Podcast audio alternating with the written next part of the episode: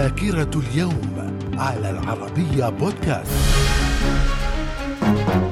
أهلا بكم إلى ذاكرة اليوم الثالث من فبراير ففي العام 1488 المستكشف البرتغالي برثولوميو دياز يهبط في خليج موصل بجنوب إفريقيا بعد الالتفاف حول رأس الرجاء الصالح وبذلك يكون أول أوروبي يصل إلى أقصى الكرة الأرضية جنوبا. في العام 1740 ملك صقلية يدعو اليهود للعودة إلى بلده التي التي أخرجوا منها عام 1493 في العام 1903 البريطانيون يستولون على مدينة كانو حاضرة شمال نيجيريا وكان وقتها معظم جنوب نيجيريا قد خضع للحماية البريطانية وذلك منذ عام 1900 من الذاكرة. ومن ذاكرة الثالث من فبراير في العام 1945 بداية معركة مانيلا لاسترجاع العاصمة الفلبينية وذلك بين اليابان والولايات المتحدة بتحالف مع الفلبينيين. في العام 1947 انطلاق إذاعة دمشق السورية الرسمية وهي ثاني إذاعة تأسست في العالم العربي.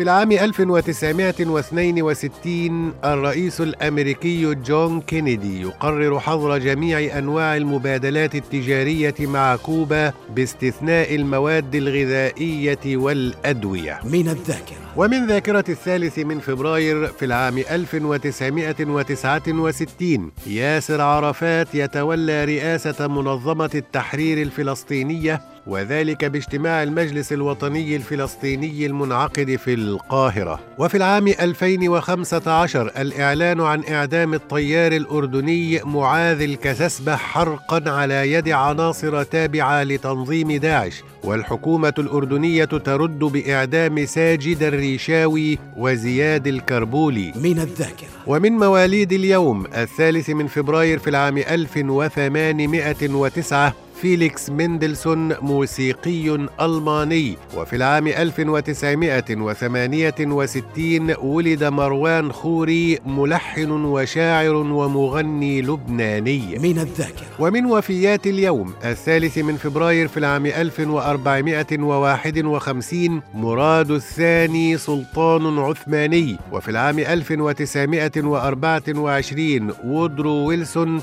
رئيس الولايات المتحدة الثامن والعشرون حاصل على جائزة نوبل للسلام عام 1919 وفي العام 1938 توفي عبد العزيز الرشيد مؤرخ وأديب وصحفي كويتي. من الذاكرة. إلى اللقاء.